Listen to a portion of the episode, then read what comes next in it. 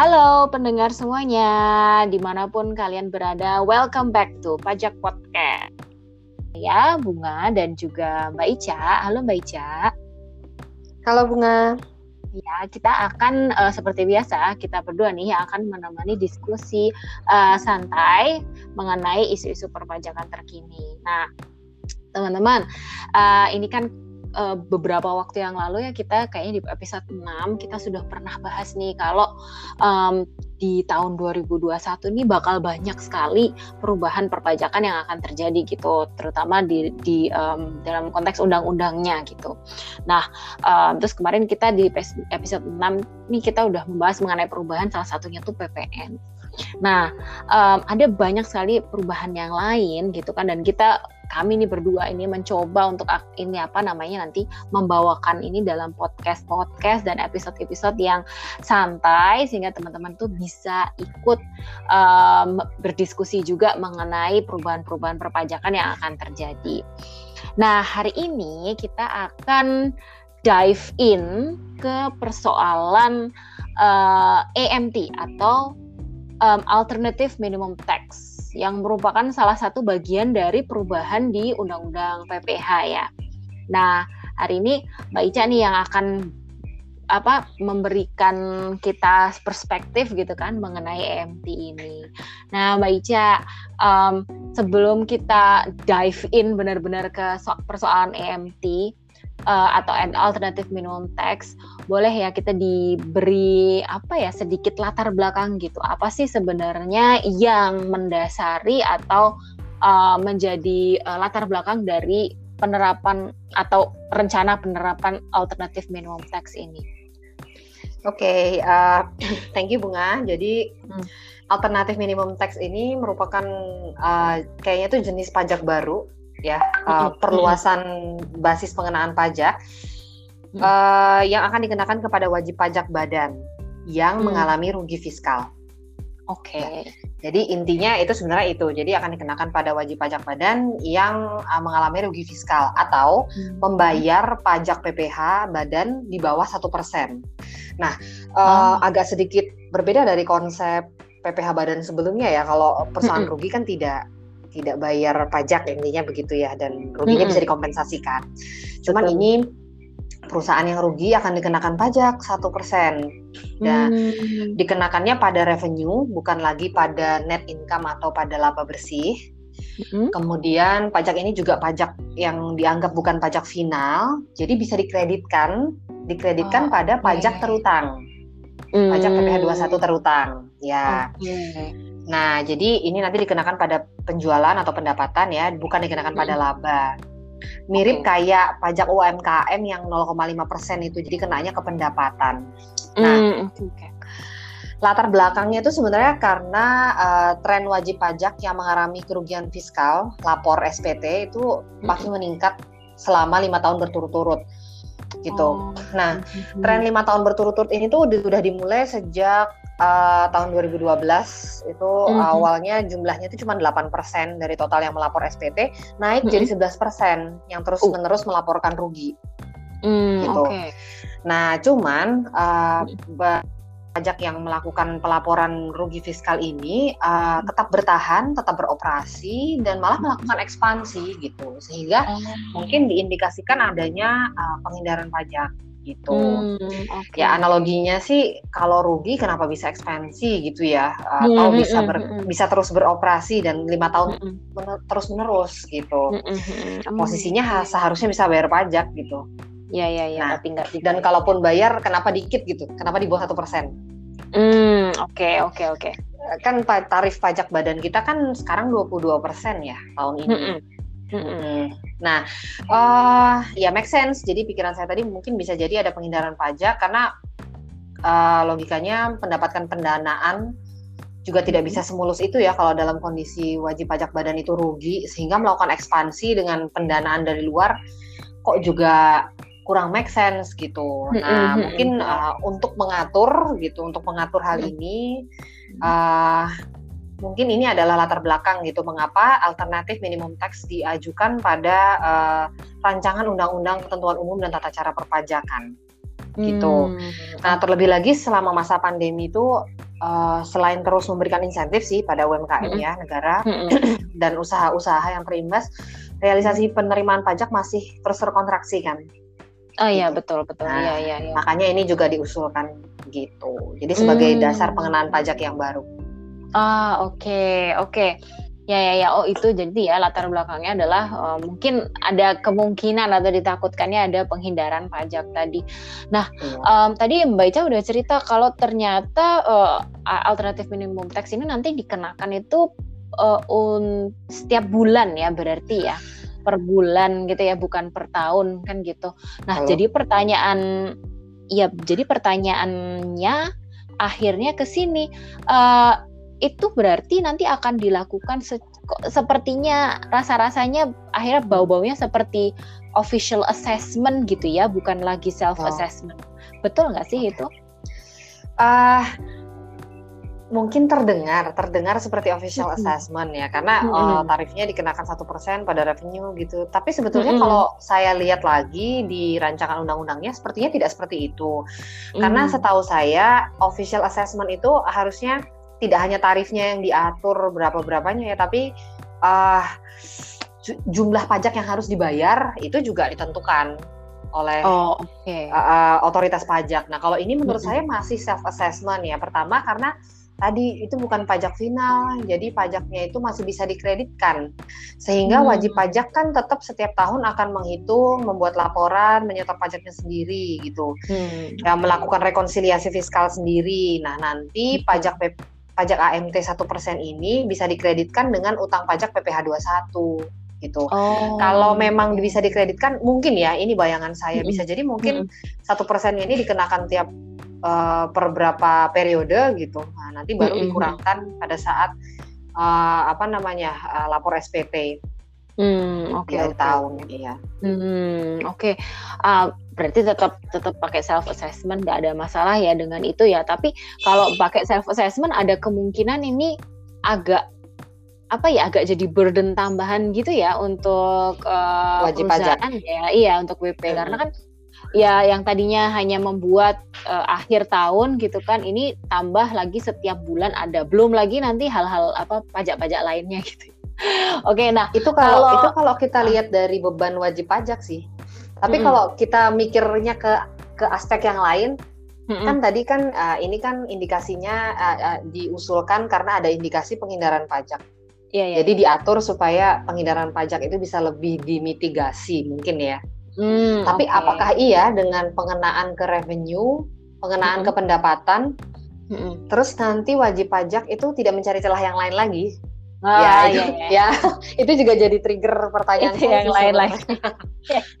oh ya, ya jadi kalau kalau kayak gitu tuh kondisinya berarti um, menurut Mbak Ica sendiri gimana sih tentang kebijakan um, mengenai penambahan pasal apa alternatif minimum tax ini? Ini udah menjadi kebijakan yang perlu dan baik belum sih sebenarnya gitu? Oke. Okay sebenarnya saya mungkin bukan orang yang punya kapasitas uh, segitunya untuk menyatakan ini kebijakan perlu atau tidak perlu gitu ya. Tapi sebagai hmm. pengamat sih, uh, ketika membaca naskah akademiknya, saya hmm. merasa memang cukup beralasan. Ini cukup beralasan okay. untuk diajukan hmm. ya uh, pada hmm. rancangan undang-undang KUP. Pertama karena memang ada alasan keadilan di baliknya gitu. Jadi hmm. alasan keadilan ini juga didasarkan pada beberapa teori. Nah, uh, ini juga tidak disamaratakan kepada seluruh WP nantinya atau WP badan yang merugi gitu. Jadi tidak semua hmm. perusahaan yang rugi terus kena AMT. Jadi ada yang oh. dikecualikan. Misalnya okay. perusahaan yang secara natural memang rugi, terganggu mm. karena kondisi COVID-19 misalnya. Mm -hmm. Atau perusahaan itu belum beroperasi secara komersial. Nah, itu itu yang pertama. Okay. Nah, yang kedua, ini kan perluasan basis penerimaan pajak ya. Uh, mm -mm. Nah, uh, artinya seperti akan nanti akan ada baru gitu ya, bukan sistem yang baru ya. Artinya ada uh, ada penambahan pada struktur pajak kita gitu loh. Ada sesuatu yang baru pada struktur pajak kita gitu loh. Nah, mm -hmm. untuk memperluas basis penerimaan, administrasi juga diperkuat gitu kan. Yeah, nah. Yeah, yeah saya baca juga di di undang-undang uh, di rancangan undang-undang ini itu ada pasal ada kan ada revisi pada pasal 18 terkait mm -hmm. general uh, anti avoidance rule. Jadi hmm. avoidance rule ini adalah uh, salah satu tools untuk memperkuat administrasi perpajakan gitu. Hmm. Ya, ya seperti saya sampaikan tadi, jadi adanya perluasan basis pemajakan memang semestinya didukung dengan penguatan administrasi untuk apa? Ya untuk hmm. mengantisipasi unexpected behavior wajib pajak mungkin untuk kembali hmm. mencari celah melakukan penghindaran pajak yang agresif gitu. Hmm. Nah, hmm, hmm. kalau ngomong general anti avoidance rule itu sepertinya memang Indonesia belum punya ya. Nah, Oke. Okay yang Indonesia udah punya itu adalah spesifik anti avoidance rule. Jadi ini adalah aturan hmm. untuk mengantisipasi penghindaran pajak. Namanya juga anti avoidance rule. Yeah. Uh-huh. Cuman ada yang general, ada yang spesifik. Jadi ada hmm. GAR, ada SAR. Ada nah, ada Nah, Indonesia tuh udah punya yang SAAR ya, setahu saya hmm. bersifat khusus. Hmm. Jadi contohnya seperti controlled foreign company atau CFC rule itu. Hmm. Terus seperti arms length principle lalu hmm. pricing agreement kalau nggak salah itu untuk transfer pricing ya hmm. kemudian debt to equity ratio gitu keempat hmm. skema ini kan ada hubungannya dengan uh, keempat aturannya ada hubungannya dengan penghindaran pajak gitu nah hmm. ini juga diatur melalui undang-undang domestik nah uh, pak tapi SAR itu hanya efektif untuk mencegah skema penghindaran pajak yang tertentu saja gitu hmm. kayak equity ratio ya untuk mengatur hal-hal penghindaran pajak yang kaitannya sama struktur pendanaan perusahaan dari debt dan equity saja gitu. Hmm. Jadi kalau misalnya ada ditemukan penghindaran pajak yang lain di luar yang saya hmm. sebutkan tadi, kita tuh hmm. sepertinya tidak punya tools gitu. Oh, untuk nggak punya tools untuk ngejar gitu ya, untuk ngejar avoidance. Ah, ah, untuk apa ya? Untuk iya benar untuk mengejar uh, tindakan avoidance tadi. Nah, mm-hmm. nah namanya general anti avoidance rule ini ini merupakan ketentuan anti penghindaran pajak yang sifatnya umum. Jadi dia tidak dibatasi pada subjek atau objek tertentu. Nah, mm. kita punya ini ini akan menyasar pada satu skema yang melibatkan suatu transaksi secara umum uh, yang tidak akan dilakukan gitu. Jadi maksudnya dia berdiri mm. di atas bahwa uh, penghindaran pajak tuh bisa saja dilakukan pada transaksi atau skema yang bisa aja tidak punya substansi bisnis gitu hmm. kan banyak caranya bisa hmm. saja caranya di luar yang saya sebutkan tadi yang controlled foreign company di luar uh, urusan arms length principle atau advance pricing agreement tadi ya di ya, luar ya, ya, ya. debt dan equity tadi gitu bisa saja kan di luar itu gitu nah dengan hmm. adanya apabila ada tindakan-tindakan penghindaran pajak mm-hmm. yang itu uh, itu bisa memberikan fiskus kewenangan untuk melakukan koreksi jika hmm. ada transaksi yang tidak memiliki substansi ekonomi yang memang hmm. semata-mata dilakukan untuk mendapatkan keuntungan pajak atau menghindari pajak itu. Hmm, oke oke oke. Sounds good sebenarnya ya. Nah, terus yang terakhir uh, alasan kenapa mungkin menurut saya ini beralasan adalah karena ada teori sih.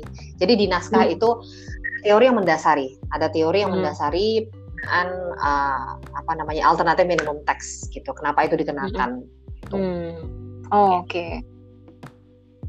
Nah, Mbak Ica, teorinya apa tuh yang dipakai di situ?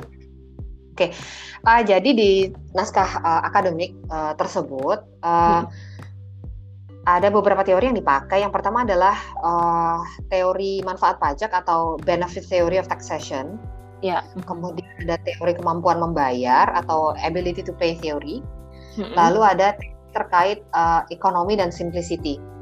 Oh, Jadi okay.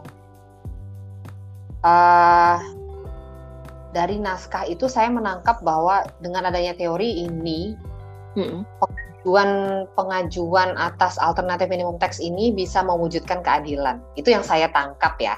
Nah, okay. coba kalau kita masuk ke masing-masing teori ini itu sebenarnya mm -hmm. kalau benefit theory of taxation atau teori mm -hmm. manfaat pajak itu sebenarnya mm -hmm. teori ini tuh punya pandangan wajib pajak yang mendapatkan perlindungan dan fasilitas umum mm -hmm. dari pemerintah. Kan mm -hmm. dia mampu menjalankan usaha dan memperoleh penghasilan usaha. Mm -hmm. Nah, jadi um, mereka adalah wajib pajak yang menerima manfaat dong dari pajak gitu karena mampu menjalankan usaha dengan baik. Nah, sehingga mm-hmm. karena mereka mampu memiliki kelangsungan usaha yang baik, kondusif gitu, maka mm-hmm. mereka juga didorong untuk berpartisipasi lebih gitu dalam menaikkan lagi penerimaan negara. Hmm, nah gitu okay. jadi terus yeah, kalau yeah. ability to tadi uh, ini mempunyai pandangan yang sedikit berbeda dengan benefit theory of taxation. Kalau teori kemampuan membayar pandangannya gini, wajib pajak itu tidak punya beban yang sama. Iya sih, saya setuju ya nggak sih? Mungkin yeah, yeah, gaji yeah, saya yeah, gaji bunga sama ya, uh, gaji saya sama uh, gaji bunga sama. Tapi kan uh, beban kita nggak sama ya. Iya nah, betul. Nah, melalui teori ini, teori, uh, itu teori ini berpendapat bahwa beban pajak tuh harusnya ditanggung oleh orang yang mempunyai kemampuan menanggung beban lebih gitu. Hmm, Oke. Okay. Ya dia bayar pajaknya lebih gitu ya. Oh, ya, oh, Nah, ya, ya, atau ya, mungkin ya. kasarnya gini, kalau mampu menanggung beban lebih dan masih tetap dapat profit yang lebih, harusnya hmm. dia bisa membayar lebih gitu. Ah ya, ah ya. Gitu. Nah, terus terkait dengan ekonomi, kalau ekonomi itu intinya gini sih, jangan sampai biaya memungut pajak uh, lebih tinggi dari pajak yang dipungut. Hmm, gitu. Oke. Okay. Oke, okay, anggap juga simply hmm, dianggap juga dia simple nah masuk ke simplicity ini jadi dianggap hmm. sebagai rancangan pajak yang sederhana hmm, oke okay. itu tiga teori itu ya Aha, tiga teori itu yang menurut saya sih sebenarnya kalau dilihat-lihat cukup sejalan hmm. dengan um, ada prinsip nih yang disebut dengan prinsip good tax policy menurut Nellen Nellen di hmm. tahun 2000 Mm uh, dan itu terangkum dalam di AICPA 10 Guiding Principles. Nah, di situ oh. juga ada prinsip ekonomi dan simplicity gitu. Mm -hmm. Oke. Okay. Okay. Cuma mungkin ada beberapa yang perlu diperhatikan lagi ya. Uh, mm -hmm. Ada prinsip prinsip of prinsip good tax policy itu kan tidak hanya ekonomi dan simplicity, masih banyak yang lain. Seperti mm -hmm. contohnya prinsip kepastian atau certainty gitu. Mm -hmm. uh, ini yang saya lihat baru uh, ada kriteria-kriteria subjek pajak yang akan dikenakan gitu. Ada yang tidak gitu. Uh, Oke. Okay. Mm -hmm. Selain itu melihat uh, certainty-nya sejauh mana. Mm -hmm. Kemudian tujuannya kan pasti me untuk menaikkan tax ratio ya, tax ratio. Iya. Yeah. Mm -hmm. Satu prinsip kebijakan yang baik itu juga hmm. dapat meminimumkan tax gap gitu. Nah, okay. jadi uh, saya berharap untuk lebih diperjelas lagi, jangan sampai nanti kalau ternyata ini diaplikasikan malah ternyata malah memperlebar gap. Ber gitu um, um, bukannya bukannya berkontribusi malah malah makin melebarkan. Uh -uh. Ya, mungkin okay. mungkin ini bisa kita refleksikan pada jumlah tarif gitu ya, total tarif mm -hmm. yang dikenakan nanti berapa Terus mungkin kita, mungkin perlu ada simulasi kajian ulang, kajian lebih lanjut ya, kajian lebih lanjut. Kira-kira kalau simulasi itu apakah benar akan memperkecil gap gitu? Mungkin itu hmm. hal sederhana saya pikirkan hmm. sih sebenarnya. Ya, nah ya, kemudian ya. yang adalah payment.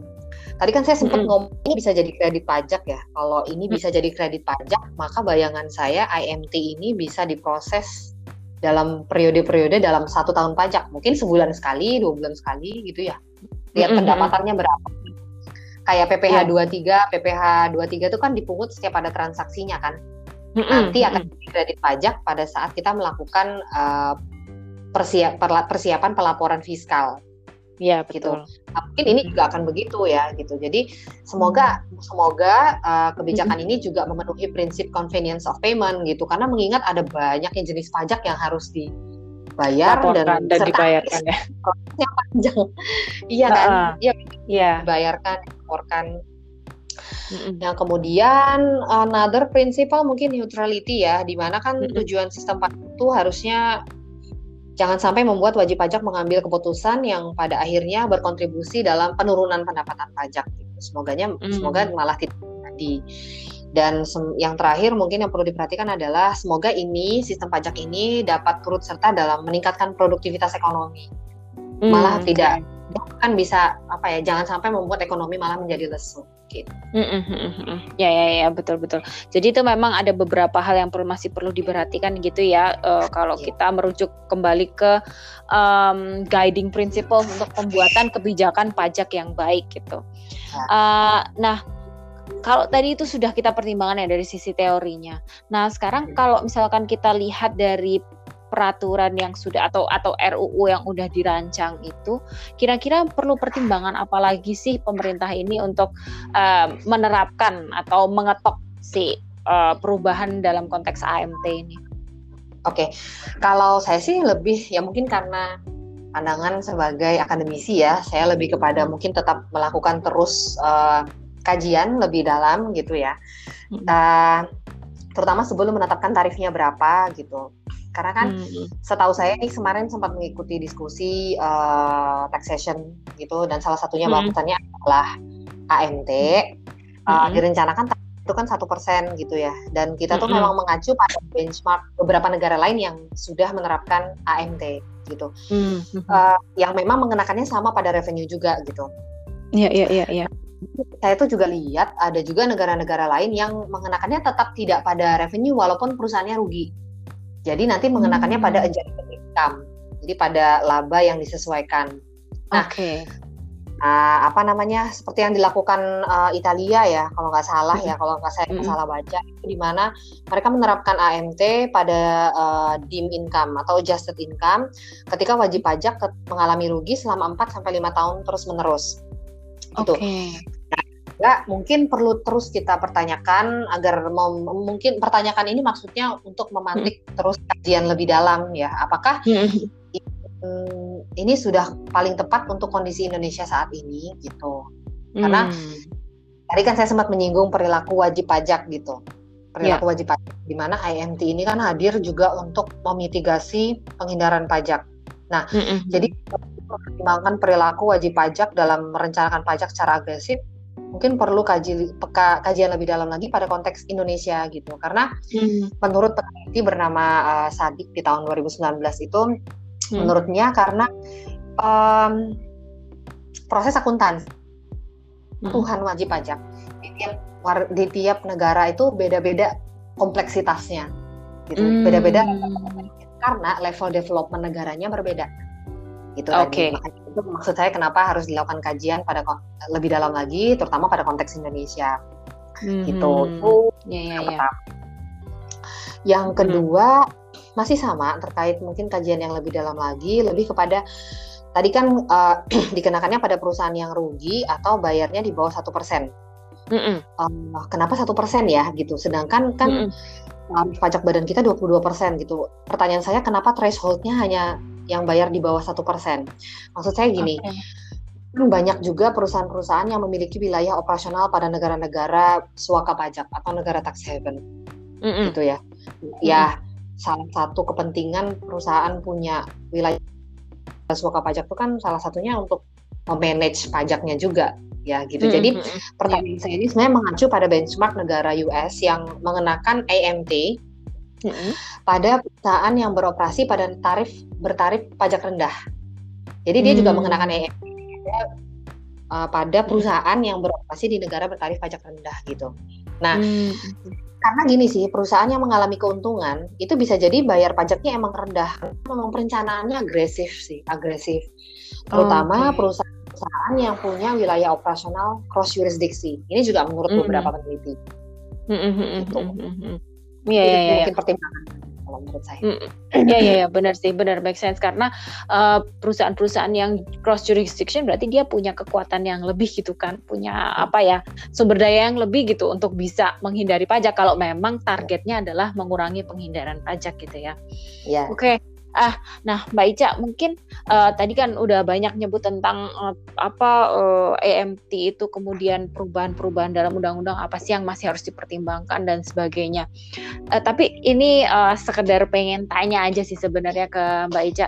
Kalau Mbak Ica lihat perubahan undang-undang uh, perpajakan yang sedang kita hadapi saat ini itu um, ada pandangan nggak sih dari Mbak Ica apa maksudnya dalam dalam artian ini kok kemudian uh, apa perubahan-perubahan ini terjadi gitu ya dan undang-undang pajak ini uh, direvisi diusulkan begitu ada pandangan khusus nggak tentang perubahan yang terjadi ini? Hmm. Sebenarnya uh, pandangan khusus aku nggak tahu itu sebetulnya pandangan khusus apa bukan tapi ini cukup tri triggering aku untuk berpikir gitu karena gini mm-hmm. kan kalau kita lihat rancangan undang-undang itu rancangan undang-undang KUP KUP mm-hmm. itu adalah ketentuan umum dan tata cara perpajakan mm-hmm. sedangkan pasal-pasal yang dirubah itu adalah pasal-pasal yang materinya ada di undang-undang baik PPN maupun undang-undang PPH contohnya. AMT ini AMT ini nanti akan dimasukkan ke pasal undang-undang PPH gitu. Singkat ceritanya gini deh. Kenapa mm -hmm. RUU KUP tapi pasal yang diubah pasal UU PPH gitu. Ya, mungkin mungkin mm. ini saya lebih kepada ini ya kayak lebih kepada sistem hukumnya itu sebenarnya harusnya gimana sih? Apakah mm kalau KUP-nya berubah sehingga otomatis UU PPN dan UU PPH-nya boleh berubah kah gitu? Mm -hmm. Kenapa tidak ada PPN atau RUU RUU PPH gitu aja sih sama Hmm, ya ya ya ya, benar-benar. Uh, mungkin uh, apa ini juga sebenarnya merujuk ke ini ya ke tahun lalu di mana Indonesia itu kayaknya baru sekali ini mungkin ya se sepanjang pengetahuan kita gitu uh, punya yang namanya undang undang-undang omnibus law dengan cipta kerja kemarin gitu. Jadi padahal kalau kita lihat cipta kerja itu kan ada ada uh, banyak sekali pasal dan um, persoalan yang dibahas. Salah satunya bahkan pajak yang harusnya nggak masuk situ gitu kan. Yang yeah. tadinya tuh direncanakan nggak masuk situ kan masuk akhirnya gitu yeah. ya. Iya.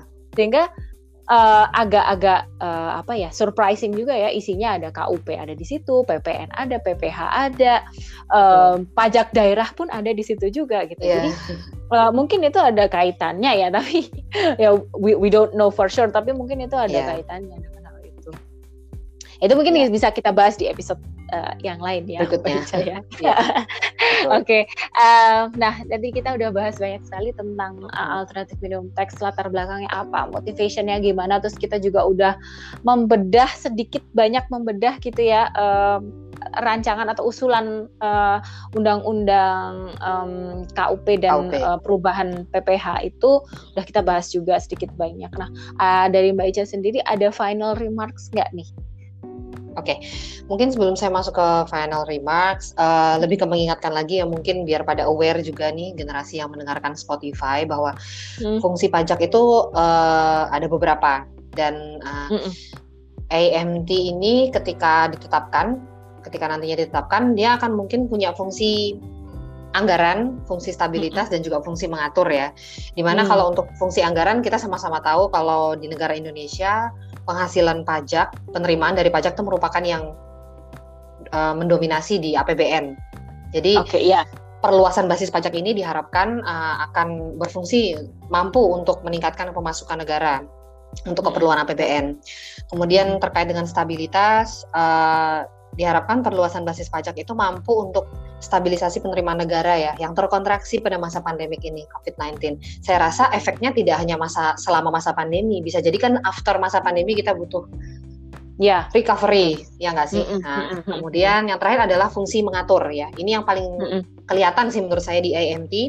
Mm -hmm. Ini berfungsi untuk mengatur aspek sosial dan ekonomi, uh, perilaku wajib pajak mm -hmm. terutama yang uh, terus melakukan aggressive tax avoidance atau perencanaan mm-hmm. pajak yang agresif dan transfer mispricing. Okay. Jadi final remark dari saya ya, uh, mm-hmm. terlepas dari mungkin baiknya fungsi-fungsi uh, pajak itu tadi, perlu mm-hmm. tetap apabila ada kebijakan kita perlu terus melakukan kajian yang mendalam, terutama dalam konteks mm-hmm. Indonesia, yang tidak hanya mengacu pada teori, tapi juga pada bukti empiris gitu hmm perlu mengkaji kaitannya juga nanti dengan aspek ekonomi dan sosial bagaimana gitu dengan dengan wajib mm. pajak bagaimana gitu ya ya ya, uh, ya. ya terus uh, mungkin perlu juga dikaji dari sisi administratif bagaimana nanti prosesnya gitu mungkin hmm, seperti itu ya, ya. jadi hmm. lebih kepada terus uh, dilakukan kajian sebelum sampai pada akhirnya nanti ketok palu gitu Ya ya ya. Itu sih betul, dari betul, saya bunga. Oke okay. oke okay, thank you banget Mbak Ica sudah memberikan banyak sekali insights ini mengenai alternatif minimum tax dan juga um, uh, sedikit banyak tentang undang-undang uh, RUU KUP yang sedang kita hadapi ini. Uh, I think um, ini tadi udah udah banyak sekali yang dibahas. Jadi I think it's a wrap for today. Uh, untuk semua teman-teman yang sudah mendengarkan dan setia mendengarkan Pajak Podcast, jangan lupa untuk terus stay tune di Pajak Podcast karena kita seperti yang sudah saya sebutkan tadi, uh, akan ada banyak sekali perubahan perpajakan, uh, undang-undang perpajakan yang ada di tahun 2021 ini. Jadi kalian bisa uh, selalu update gitu ya mengenai apa sih yang akan berubah. Ini kita akan menyajikannya di pajak podcast supaya um, teman-teman itu dan semua pendengar ini bisa ikut berdiskusi gitu kan ikut meramaikan diskusi tentang perpajakan ini. Karena pajak itu penting banget ya itu itu um, itu sesuatu yang kita bayarkan kepada negara uh, dalam konteksnya kita berarti membantu negara untuk melaksanakan tugasnya. Negara akan kemudian karena dapat pajak dari kita kita kemudian negara akan uh, bisa melaksanakan tugasnya dengan baik gitu. Jadi sama-sama kita scrutinize gitu ya, sama-sama kita kawal prosesnya supaya kita uh, punya undang-undang perpajakan dan dan sistem perpajakan yang lebih baik lagi. Oke, okay, I think that's a wrap for today. Thank you banget Mbak Ica atas semua Sama-sama. penjelasannya. Ya, yeah, oke, okay. and see you on the next episode. Bye everyone. Bye bye.